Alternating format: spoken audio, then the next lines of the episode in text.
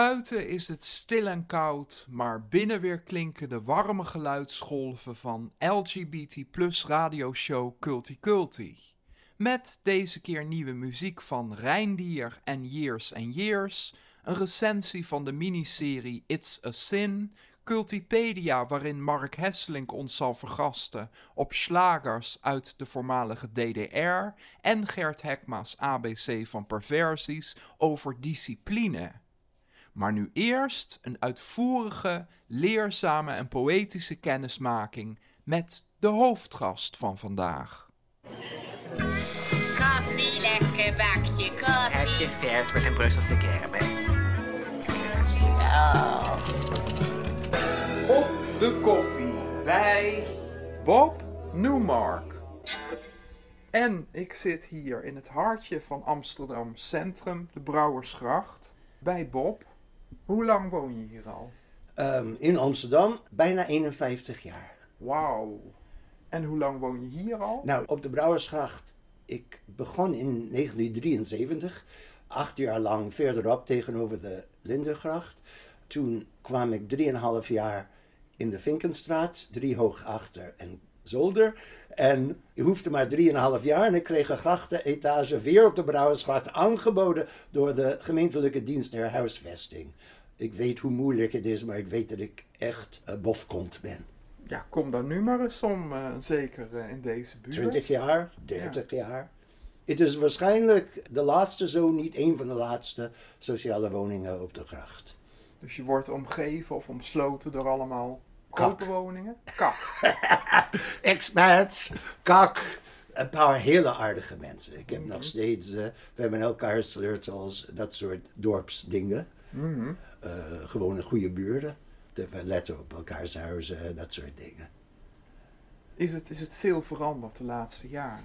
Nou, veel kak bijgekomen. Veel eh, oude bewoners zijn weg. Want ze namen eieren voor hun geld. En ze kregen dan eh 2 miljoen voor een huis. Dat ze misschien voor 200.000 gulden ooit hebben gekocht. Trouwens, boven mij wordt gerenoveerd voor zogenaamde high-end appartementen. Dus ik ben benieuwd wat voor kak hierboven komt. maar ik, ben, ik zeg dag tegen iedereen hoor. Koude Ik, kak eh, waarschijnlijk. ja. Koude kak, warme kak, eh, nieuwlichters, eh expats. Zou je jezelf ook een expat noemen? Ach, als iemand mij dat vraagt, dan zeg ik altijd: ik was nooit patriotisch om te beginnen. Dus hoe kan ik expat zijn? En zeker deze dagen, want net op de televisie was het debat over de impeachment van dat ding. Dat wil de naam niet noemen. ding wat nu 45. verdwenen is. Ja. Eh, dat gaat verdwijnen en laten we hopen van de wereldtoneel snel. Wat eh, tegenwoordig gebeurt in de Verenigde Staten doet me eigenlijk denken aan wat mij hier uiteindelijk naar Amsterdam bracht. Ik was in de jaren 60 verhuisd van New York, waar ik opgegroeid ben, waar ik gestudeerd had, naar Berkeley, Californië. Dat was de middenpunt van verzet van Amerikanen. Samen met San Francisco aan de andere kant van de bij van San Francisco. Flower Power, New Age. Het prille begin van de, wat toen gay rights beweging heette. Dus onze LHBTIQ beweging. Nu. En ehm, in die tijd was Ronald Reagan gouverneur van Californië en Richard Nixon was president. En zo rond de tijd dat wij de zoveelste demonstratie hadden en Reagan de National Guard, een staatsmilitie, stuurde, toen werden we aangevallen met geweren. Eén man is doodgeschoten op de hoek van mijn straat. Honderd mensen waren gewond. Met helikopters dropten ze traangas. Toen draaide de wind en de universiteitsziekenhuis moest ontruimd worden. Oh, Want toen hadden ziekenhuizen ramen die open gingen. Toen heb ik besloten de Amerikaanse droom, de American Dream, eindigde ongeveer met Walt Whitman, pakweg 1870, Leaves of Grass, wat deels zeer homofiele gedichten zijn. Ah. Ik gebruik het woord homofiel omdat 19e eeuwse term. En deels echt patriotisch, eh, eh, hoe mooi de Amerikaanse droom is. Maar ongeveer rond die tijd, na het eind van de burgeroorlog, eindigde de Amerikaanse droom, wat mij Voor jou werd het een dream deferred. Juist. Ja. En toen heb ik een paar schoenen gekocht, want ik had jarenlang zonder schoenen gelopen. Oh. En heb ik een baan Je was gekregen. echt een hippie. eh. Ik was echt een hippie. Mijn haar was. eh, ik had een, eh een Jufro, een beetje Mhm. als Jimi Hendrix-achtig haar. Toen ben ik gaan werken bij de post. En in Californië natuurlijk, om buiten te zijn, is prima. Ik had zelfs een busje. De helft van de dag bezorgde ik pakketten. Iedereen was blij om mij te zien. En de andere helft van de dag eh, brieven. Tot ik genoeg geld verdiende. En eh, een week na mijn ontslag ontmoette ik mijn tweede Mr. Right van mijn leven. En ik wachtte nog drie maanden tot hij besloot met me mee te gaan. En Beer is naar Amsterdam gegaan. Nou, niet naar Amsterdam. We vlogen gewoon de, met de goedkoopste Iceland Air. En we belanden in Brussel. Dat was een week waard. En toen dachten we, laten we naar het noorden gaan. Amsterdam was bekend in de jaren zestig. Sex and drugs en rock and roll. hè. Niet Magisch zoveel centrum. veranderd. Ja. En zeker voor alternatieven, voor hippies, voor homo's. Amsterdam was eh, the place to be. Ja. En wij waren allebei meteen verliefd. We bleven hier en ik dus ruim 50 jaar. En jouw vriend? Is die hier ook? Nou, we zijn, we zijn vijf jaar samengebleven. Toen zijn we uit elkaar gegaan. We zijn, ik noem hem nog steeds mijn beste vriend, al woont hij al tientallen jaren in Californië. Hij is uh, spijtopnicht geworden en hij ging terug. En nu is hij gelukkig getrouwd met zijn uh, man al tientallen jaren daar.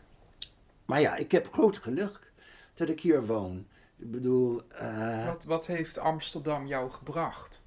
Amsterdam heeft mij een aantal dingen gebracht. Ten eerste, dit is mijn derde grachtenwoning. Alle drie sociale woningen. Nou, dat uh, komt er mee, waar dan ook. Ik heb wel eens mensen uit andere Europese landen en Amerika rondgeleid in Amsterdam Centrum. En aangewezen dat, kijk eens, dit zijn sociale woningen. Architecten die zeggen, wat? Hoe kan dat? Midden in het centrum. Kwam daarmee in Parijs of Londen of New York. Dat bestaat niet. Mm. Dus al hebben we, en terecht, recht op klagen op, tegen Airbnb en alle gedoe wat uh, gentrification. We hebben nog steeds buitengewoon veel sociale woningen in alle delen van Amsterdam. Dus, uh, qua, voor... qua, werk, wat, wat heb je Nou, ik, uh, ik had eerst wat losse baantjes en toen kwam ik werken uit, wat uiteindelijk Elsevier Science heet, de Biomedical Division. En ondanks mezelf, en ik had altijd een hele slechte, oftewel goede houding van you need me more than I need you. Mm -hmm. En dat, uh, daar uh, hapten ze. En ik kreeg steeds promoties. En al mijn collega's waren artsen, PhD's, farmacologen, biologen. En ik was de enige met een Bachelor of Arts in de scheikunde. Maar ik heb heel veel over geneeskunde mm. geleerd. Ik heb eigenlijk een soort opleiding gehad. Waarbij mijn huisarts tot de dag van vandaag, Adrie zegt, ach Bob, je weet meer dan ik soms. Omdat ik de tijd heb en ik weet hoe je moet zoeken mm. op het internet. Mijn... Wat, wat, wat hield het in? Was jij... Uh, uh, dat heet een quality control redacteur. Dus ik keek werk na van de echte artsen. Om te zien dat ze het goed deden. Eén leuk ding was dat ik op mijn 59ste met pensioen ging. Mm. En ik ben gaan werken voor mezelf als freelance uh, vertaler en redacteur. En het grootste deel van mijn werk was bij forensische psychiatrie van jeugdige delinquenten en biologische psychologie van transgenders. Oftewel wat ik noemde bad boys en bad girls. Ja, ook veel geleerd daar dan, denk ik. Ja, natuurlijk. Interessante uh, mensen die je tegenkomt. Liefde in Amsterdam verder nog? Na oh jouw ja, ik, eerste um, vlam? ik heb uh, Eh, nou, ik kwam met Beer samen. We bleven vijf jaar samen. En eh, dan heb ik een reeks van vriendjes gehad. De laatste twee relaties duurden 17 en 10 jaar. Ik kan me herinneren dat ik de allereerste aflevering van Uit de Kast zag. Ken je die, dat programma? Ja. En dat was met Odin uit, er- ergens uit Noord-Holland. En ik kwam Odin tegen op Koninginnedag voor mijn huis, jaren geleden. En ik zei, kom maar even zitten, we gaan praten. Ik zei, volgens mij was dit de beste contactadvertentie die ik ooit van mijn leven heb gezien. Hij zei, Bob, inderdaad, ik heb mijn eerste vriendjes vanwege dat programma gekregen. Dus wie weet, ik ben nu single, al veel te lang. Als je een gerontofiele chubby chaser bent, Oh, dan ben ik jouw man. Ik wil eens even een oproepen. Luisteraars, dat hoort u goed. Neem contact op met Culti Culti, dan eh, regelen we dat. En dan, eh, dan zullen we het contact eh, maken. Hoe oud ben je eigenlijk? Ik ben 75. 75. Je hebt ook een prachtig levensmotto of een soort introductie. eh. zou je die eh, Ja. ook voor willen lezen? Het is in het Engels voor degenen die ehm, hopelijk eh, kunnen verstaan. Anders kom maar langs en ik vertaal het in het Nederlands. Please allow me to introduce myself. I'm the Jew who took sin out of the synagogue. The one track mind who put sex back into intersectionality. The sissy who put cis back into resistance. The meditator who put boo back into Buddhism. The Hindu who took harm out of karma. The coupon redeemer who took the mess out of the Messiah. The extremist who put fun back into fundamentalism. The multi-culti fucker who put Ali back into homosexuality. And the halal vegetarian who took ham out of Mohammed. Please allow me to introduce myself. I'm a man of wealth and taste.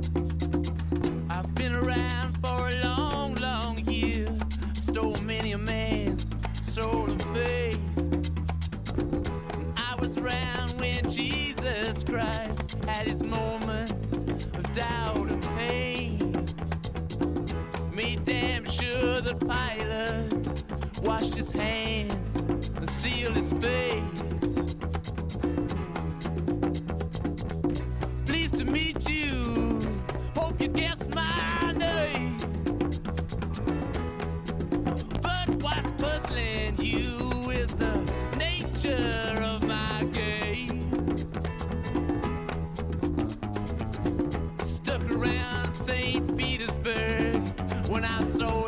A time for a change.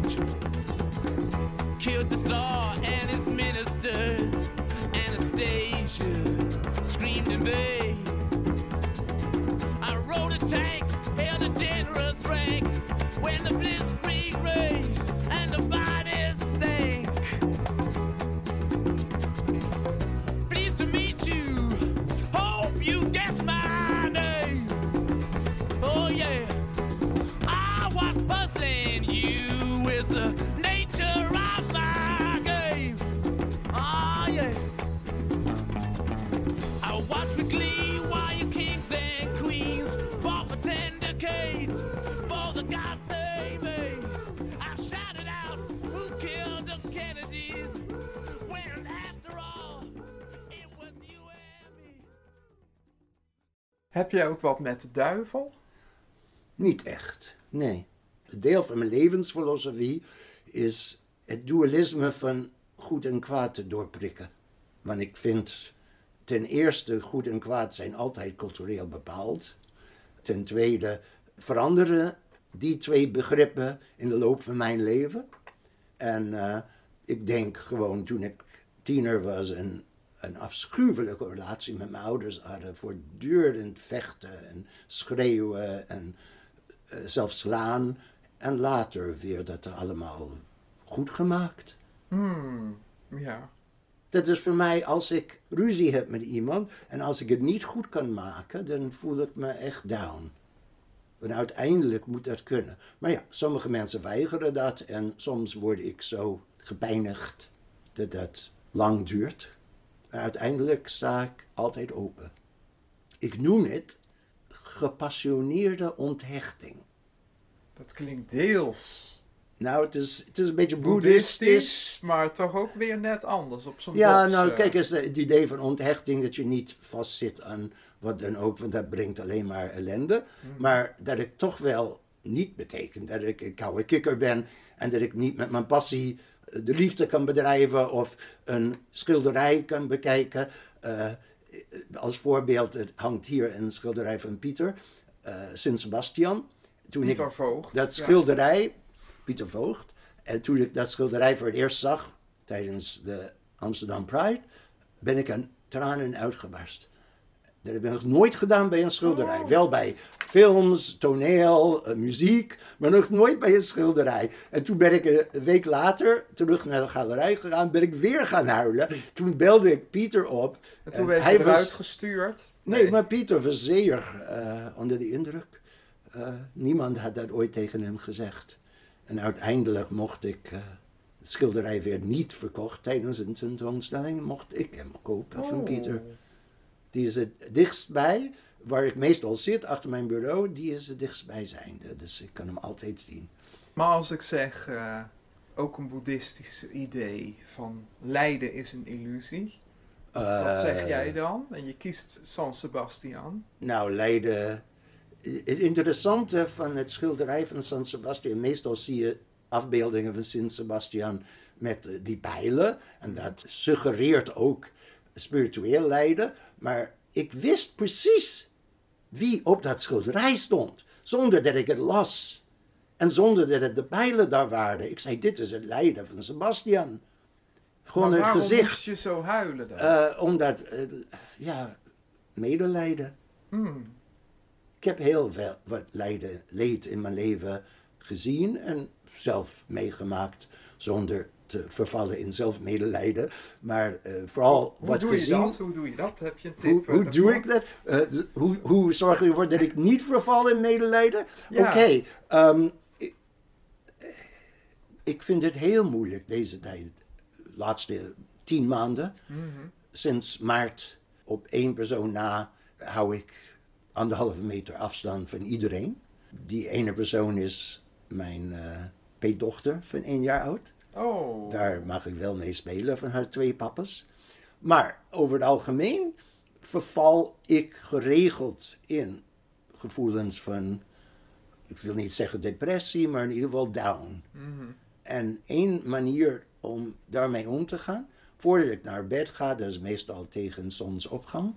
Want ik ben echt een nachtmens en zal dat blijven tot iemand mij verleidt om naar bed te gaan. Dan, voordat ik de deur op nachtslot doe, sta ik in de deuropening en ga ik eerst van links naar rechts de hele hemel bekijken. En dan ga ik van rechts naar links de voorgevels van de grachtenhuizen aan de overkant. En dan weer van links naar rechts het water vormen. En van rechts naar links de straat. En ik mediteer op dankbaarheid. Dat ik hier mag zitten en dat ik iedere nacht, voordat ik de deur op slot zet, zo'n mooi tafereel voor me heb. Nou, ik, eh, ik ga het ook eens proberen. Vannacht. Ja. Nou valt mij op, ik zie hier een schaakbord met stukken erop, met figuurtjes erop getekend.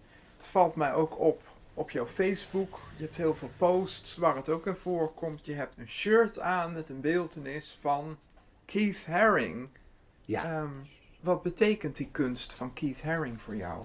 Nou, dat was. eh, ik woonde in Nederland al lang toen hij opkwam. Maar op een gegeven moment opende hij de popshop in New York. Er kwam in New York bijna ieder jaar in die tijd, jaren 80, 90. Zijn beroemdste motto was: Art is for everyone. Mijn eerste bezoek aan het Stedelijk Museum in Amsterdam in 1970 zag ik een heel groot werk van Matisse. Dat was toen Matisse niet meer kon schilderen. Hij knipte figuurtjes uit van papier. Dit waren blauwe vogels en nog wat andere figuren. En die plakte hij op een witte achtergrond. En in die tijd, meen ik, het stedelijk heeft twe- 10 miljoen gulden voor betaald. En ik dacht, oké, het is mooi. Maar daar kun je ook een douchegordijn van maken. En behang. En een kussen. En wat dan ook. En Keith Haring was 15 jaar later, heeft dat echt in leven gebracht. Dus ieder jaar dat ik naar New York ging, ging ik naar Popshop en bracht ik zoveel ik in mijn eh, koffers kon brengen. eh, T-shirts, eh, baseballpetten, kussens. Hier heb ik een douchegordijn, een mat in mijn keuken, een welkomstmat.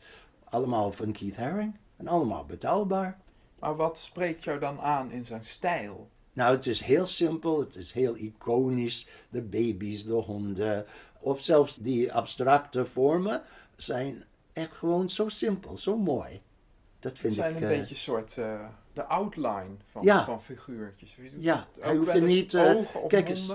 Eh, eh, eh, een schilderij van Vincent van Gogh en ik was er gek op. Als kind ging ik naar het Museum of Modern Art in New York en de Metropolitan Museum. Daar hingen allebei in allebei musea van Gogh en ik zat daar te staren. En toen ik begon, toen ik tiener was en begon wiet te roken, dan bewoog de lijnen van, van Gogh, de, de dikke olieverf. Dat heeft Keith Haring niet echt. Die heeft die, die outline, wat je zegt. En eh, het zijn allebei eh, cultuurhelden van mij. Dan sta je ook bekend als Master Bob in de S&M scene. Oh ja, dat is ook een heel ander... eh, Ja, eh, sommige mensen die kennen jou misschien alleen maar zo. ja, er zijn een paar mensen, maar ik ben... hij- de bron van Master Bob was eigenlijk de dood van de helft van mijn vrienden.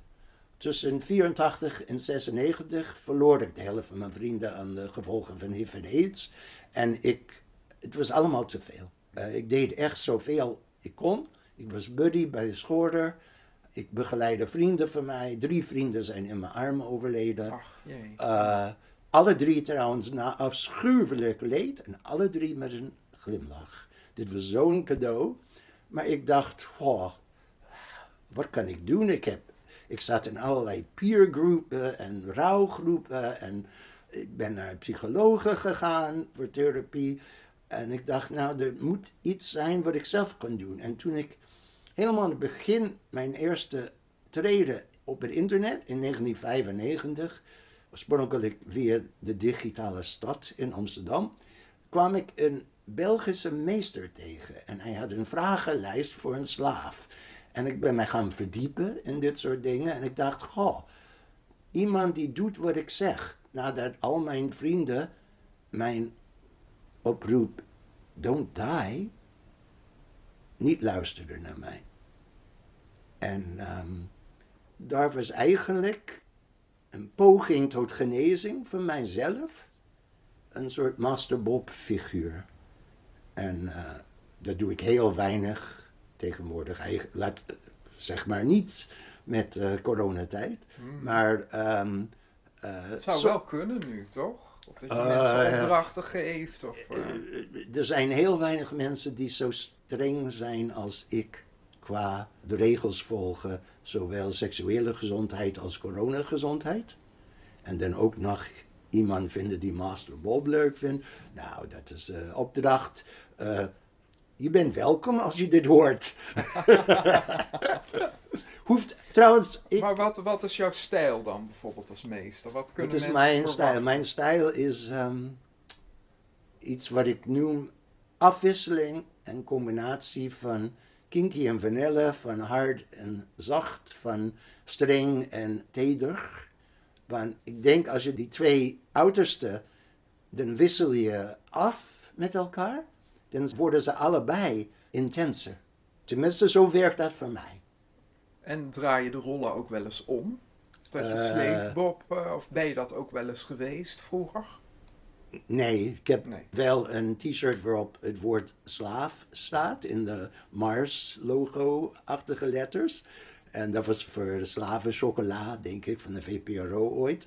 En eh, ik ben op het feest gekomen en iedereen was zo verbaasd dat ik met een t-shirt waarop slaaf stond.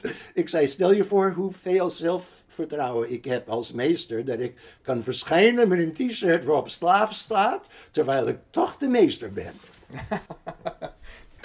Is er nog een levenswijsheid die je verder de luisteraar mee zou willen geven? Oké, één kort en bondig zinnetje, omdat ik zelf niet zo kort en bondig ben. Valt heel mee eh, vandaag. eh, gaat oké. Ja. Ehm, weer in het Engels. Omdat het eigenlijk niet te vertalen is. A good friend is harder to find than a good fuck. Even if the good fuck is harder than the good friend. Dankjewel. In my house on that day.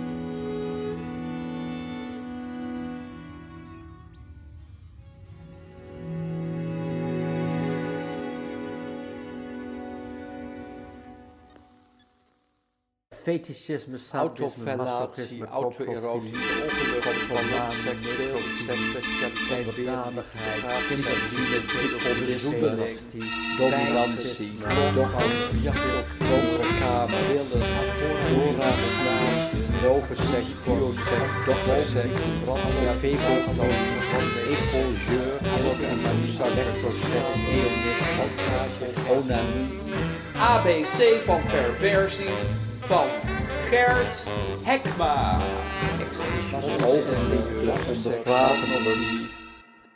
En de perversie van deze maand is discipline. Discipline is een SM-specialiteit en is achter bondage opgenomen in de afkortingenlijst BDSM. Soms ook gezien als afkorting van dominantie, DB. Het hoort bij slavernij en bij legerseks en is een absolute noodzaak bij ding- en schoonmaakseks. Krijgsgevangenen en bediendes worden aan discipline onderworpen.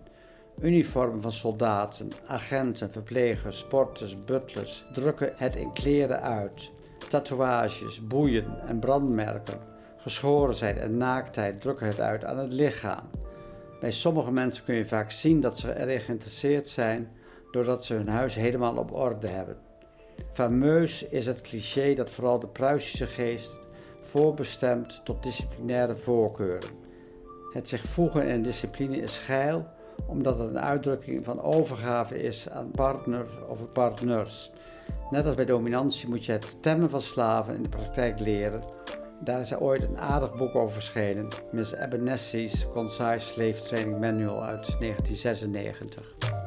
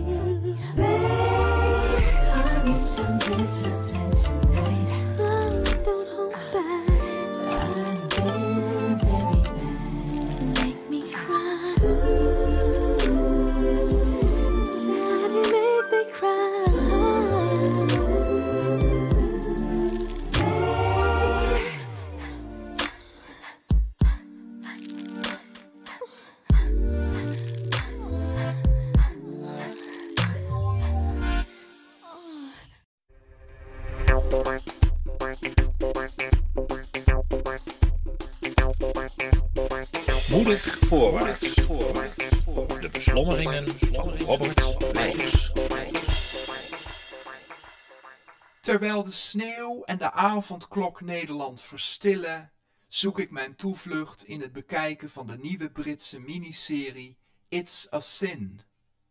Ik vind hierin niet de gewenste ontsnapping, maar eerder een onverwachte blik in de spiegel.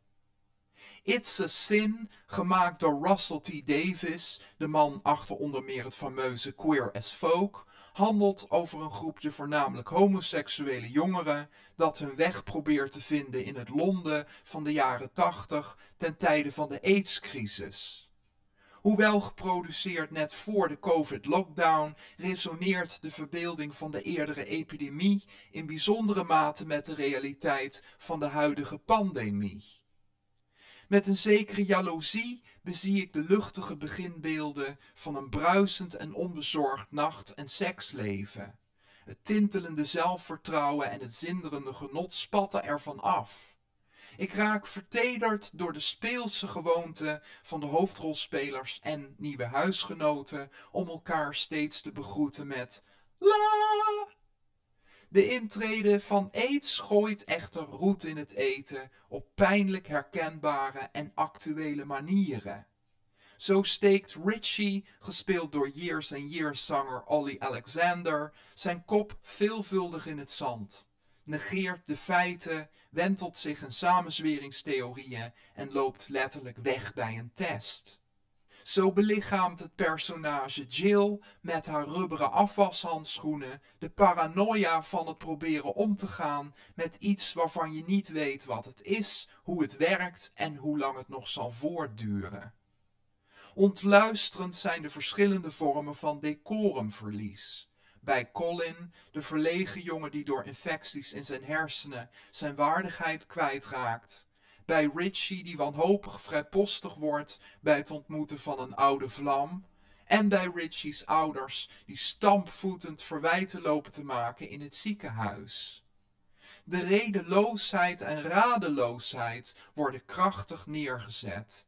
Schuld en schaamte vloeien als een giftige cocktail door de dialogen heen. Aan de andere kant is er toch ook een lichte troost van de jaren tachtig pophits, de hilarische bijrol van Stephen Fry en de vriendschap en steun van een gekozen familie. Al met al zeer confronterend, maar zeker het bekijken waard. Moedig voorwaarts.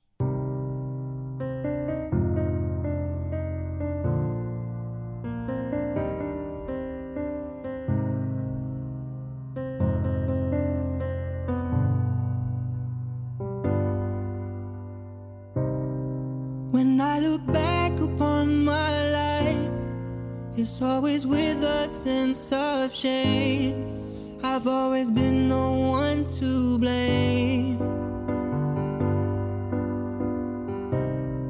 for everything I long to do, no matter when or where or who has one thing in common too.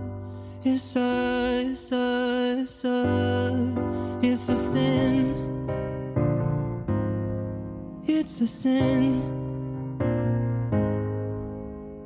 Everything I've ever done, everything I ever do, every place I've ever been, everywhere I'm going to. It's a sin. At school they taught me how to be so pure in thought and word and deed.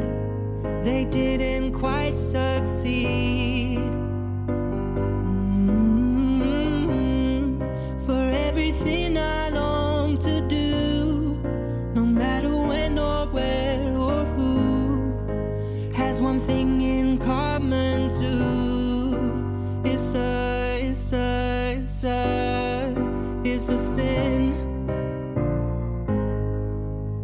sin. Everything I've ever done, everything I ever do, every place I've ever been, everywhere I'm going to, it's a sin.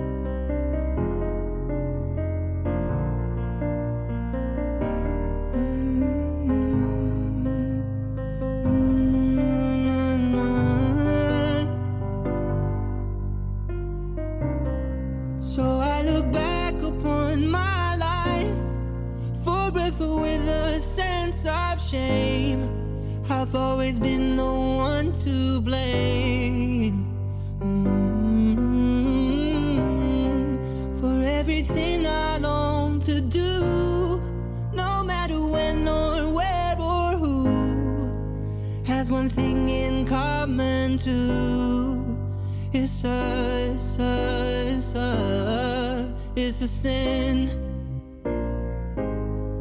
It's a sin.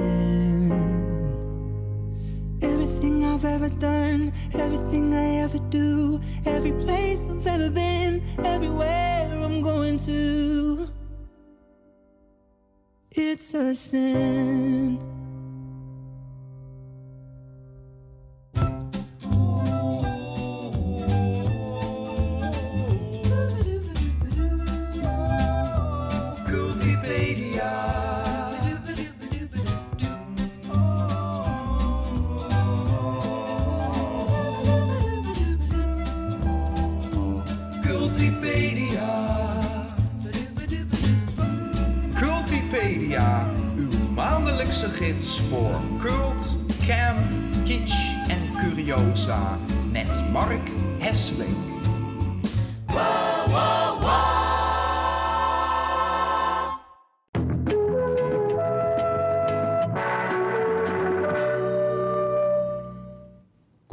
Meine Damen und Herren. Die Übersicht. Mir scheint mein Leben wurde mir heute neu gegeben. Ahnt ihr vielleicht, woran das liegt? Ihr sollt es wissen, von drei Sonntagabendküssen wurde mein stolzes Herz besiegt.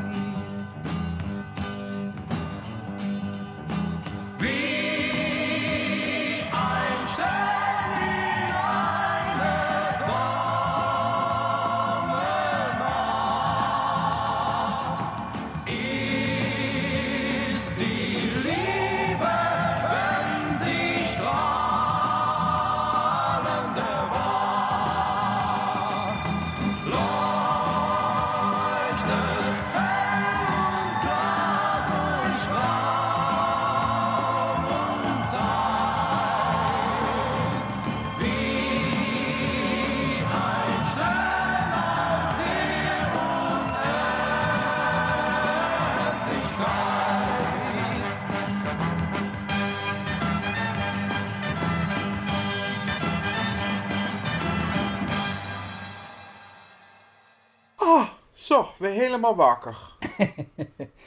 Ja, we gaan iets doen wat natuurlijk al lange keer had gemoeten. We gaan aandacht besteden aan de Duitse slager. Jawohl. Jawel, en wij begonnen met de allergrootste ster die er is op dat gebied, namelijk Frank Schöbel.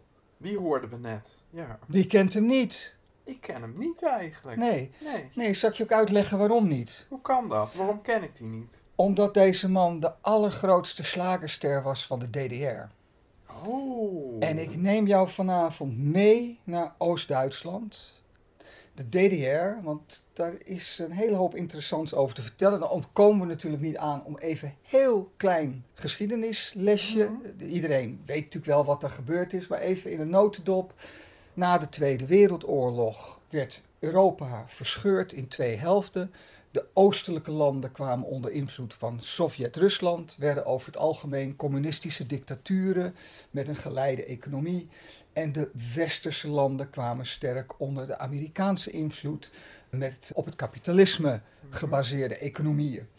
En in Duitsland gebeurde hetzelfde op een kleinere schaal. Duitsland werd als verliezer ook opgedeeld. En dat uiteindelijk ook in twee landen. West-Duitsland, de Bondsrepubliek Duitsland, heel sterk door de Amerikanen beïnvloed. En de Duitse Democratische Republiek, de DDR, onder de Sovjet-invloed. En in Berlijn gebeurde dat dan op nog weer kleinere schaal. En daar werd zelfs een muur tussen die twee helften gebouwd. Want Oost en West, dat moest perfect gescheiden blijven. En de DDR werd daardoor een, een beetje een eh, raar land, een buitenbeentje, ook in Oost-Europa. Omdat al die Oost-Europese landen, die hadden hun eigen cultuur. Over het algemeen waren dat Slavische culturen en die bleven ook behouden met een flinke scheut Sovjet-invloed daarbij. Maar de DDR had geen eigen cultuur, dat was de Duitse cultuur. En ineens werden dat twee landen met twee strikt gescheiden culturen en die gingen zich links en rechts van die muur gingen die zich op een andere manier ontwikkelen. En dat wil zeggen, die Oost-Duitsers die bleven toch wel altijd heel sterk naar West-Duitsland kijken. Of verlangen ook misschien.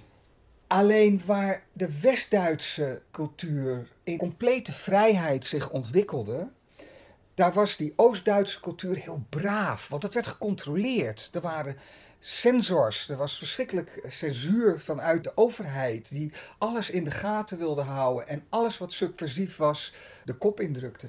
Het is vooral allemaal ontzettend keurig en verantwoord wat er in die tijd uit de DDR komt. Ik ben gaan spitten naar wat was nou typisch voor die DDR-cultuur. Dan kom je eindeloze kinderkoren tegen. Oh.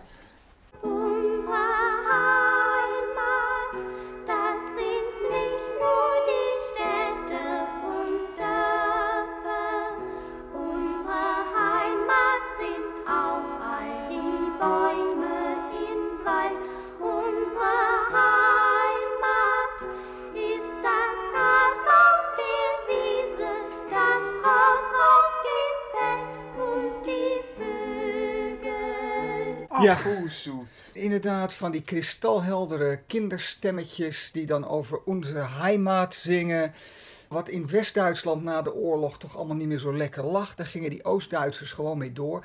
Dat waren de pionieren. Dat was de jeugdbeweging van de communistische partij. En dat was heel groot. Dat was een soort enorme padvinderij waar alle eh, kinderen in de DDR geacht werden lid van zijn. Er werd heel veel gezongen. Eh, maar het is allemaal braaf en het is ook heel humorloos. Het is ook, eh, de camp en de kitsch is ver te zoeken, want ze deden niet aan humor in de DDR. Curieus is het allemaal wel. En ja, heel erg voortdurend hameren op het burgerschap van de DDR. Ik heb hier een nummer, is een grote hit geweest in de DDR. Een groep die heet Oktoberclub en het nummer heet Zaak mir wo steest.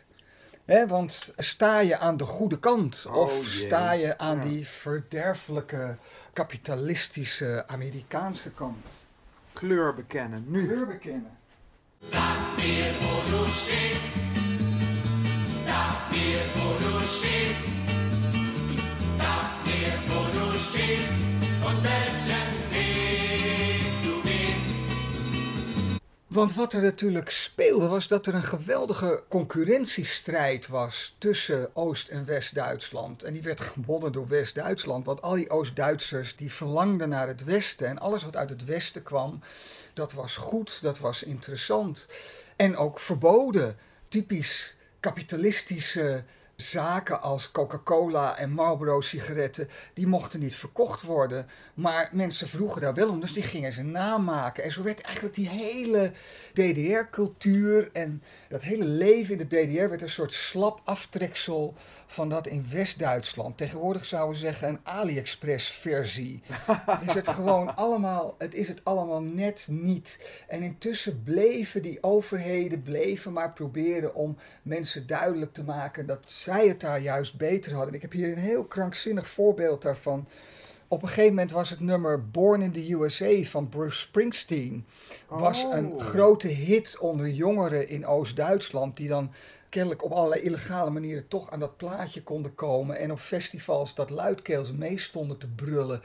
En dat werd dan een soort hymne van verzet tegen het Oost-Duitse leven. En toen is dus een Berlijnse groep is er geweest en die heeft onder invloed van de Oost-Duitse machthebbers daar een soort antwoord op gemaakt. En dat Oh. was uiteraard Born in the GDR. Jetzt, lebe ich und jetzt, jetzt lebe ich und jetzt, jetzt trinke ich und jetzt, jetzt stinke ich und jetzt, jetzt rauche ich und jetzt, jetzt brauche ich dich. Wir bauen auf und tapezieren nicht mit. Wir sind sehr stolz auf Katharina Witt. Katharina! Katharina! Was war? Borgia!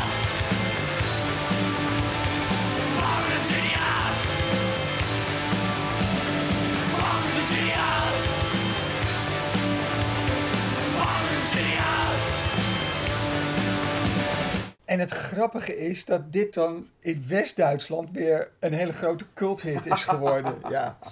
En dat is op zich bijzonder, want eigenlijk de stroom ging heel erg van west naar oost. Alles uit het westen werd in het oosten omarmd. Het Songfestival was waanzinnig populair in Oost-Duitsland. En ze hadden een eigen versie van het Songfestival. Daar ga ik binnenkort het uitgebreid over hebben. Maar andersom was dat eigenlijk niet zo.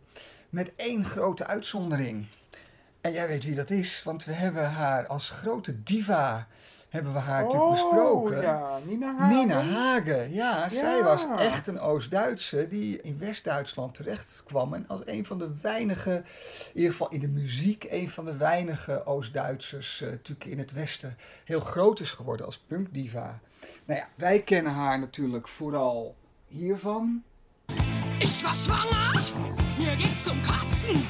Ich wollt's nicht haben, musste gar nicht erst nachfragen. Ich fress Tabletten und überhaupt, Mann.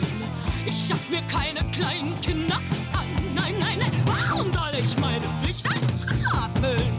Für wen? Für die?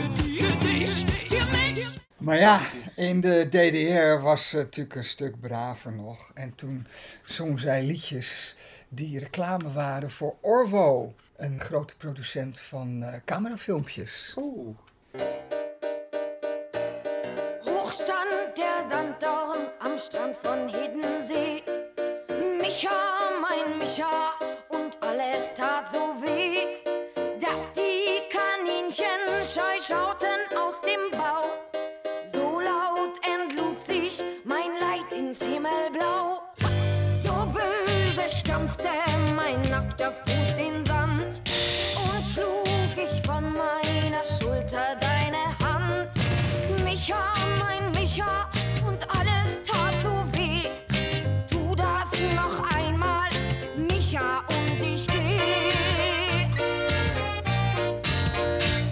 brave Nina Hagen. Maar heel herkenbaar Ja. meteen. Hoe zat het met de homocultuur?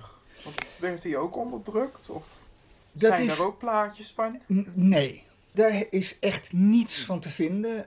Het is een beetje een moeilijk verhaal. Aan de ene kant was het heel goed nieuws, omdat in het DDR-systeem geen plaats was voor religie. En dat betekende wel dat in de DDR homoseksualiteit al in de jaren 50 gedecriminaliseerd werd. Waar in West-Duitsland tot in, ik geloof tot 1990 homo's nog niet in het leger konden, werd daar in de DDR eigenlijk al heel snel niet zo moeilijk over gedaan.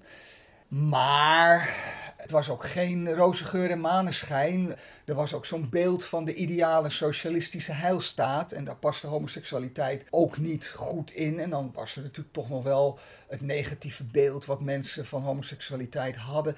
Het was eigenlijk een onderwerp waar nauwelijks over gesproken werd. Waar heel lang gedaan werd alsof het niet bestond.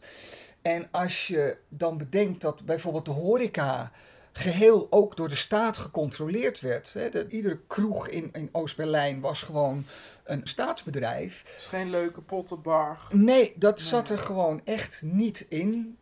Dus aan de ene kant was er een redelijke vrijheid, aan de andere kant helemaal geen homocultuur, hooguit. Ja, er waren natuurlijk wel wat subversieve elementen. En het gekke is dat, dat dat ook het enige is wat overgebleven is van die DDR. Want ik wil besluiten met een nummer van de groep Pankow. En dat is een band die is in de vroege jaren tachtig in Oost-Duitsland ontstaan waren daar heel subversief. Ze hadden teksten die zich verzetten tegen het systeem en ook eh, seksueel heel expliciet. Hun bekendste nummer, ga ik zo laten horen, heette Langeweile. Zij mochten niet op de radio, daar werden ze eh, van eh, geweerd. Maar ze traden wel op, dat kon dan gek genoeg wel weer. En ze hadden een grote schare fans. En zij hebben de val van de muur als enige overleefd. En die band is tot op de dag van vandaag actief en heel wauw. populair in het, eh, in het herenigde Duitsland. Dat is dan het slotstuk. En dan beloof ik dat we binnenkort nog eens uitgebreid terugkomen op de echte Duitse slager. Leuk. Dankjewel.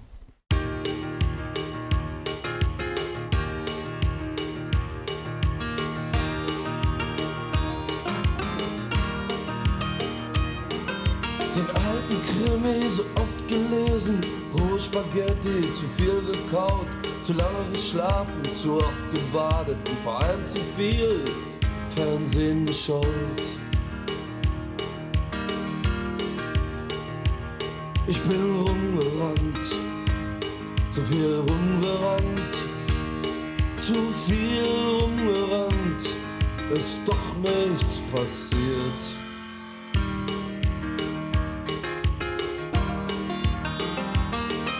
Zu viele Frauen nur angesehen, zu viel nur mit mir rumgespielt, zu viel gesoffen, zu viel geredet, zu viele Nächte, wo nichts passiert. Hm, ich bin rumgerannt, zu viel rumgerannt, zu viel rumgerannt, ist doch nichts passiert.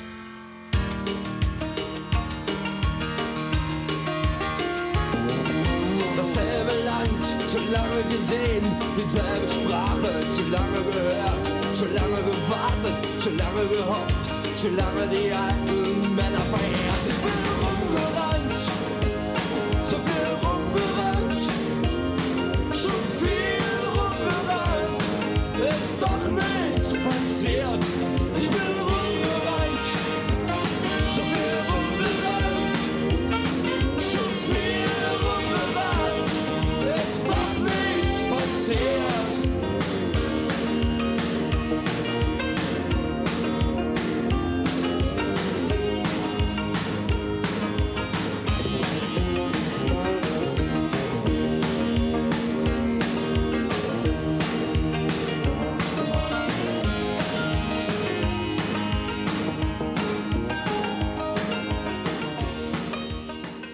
Dit was dan Culti Culti 89.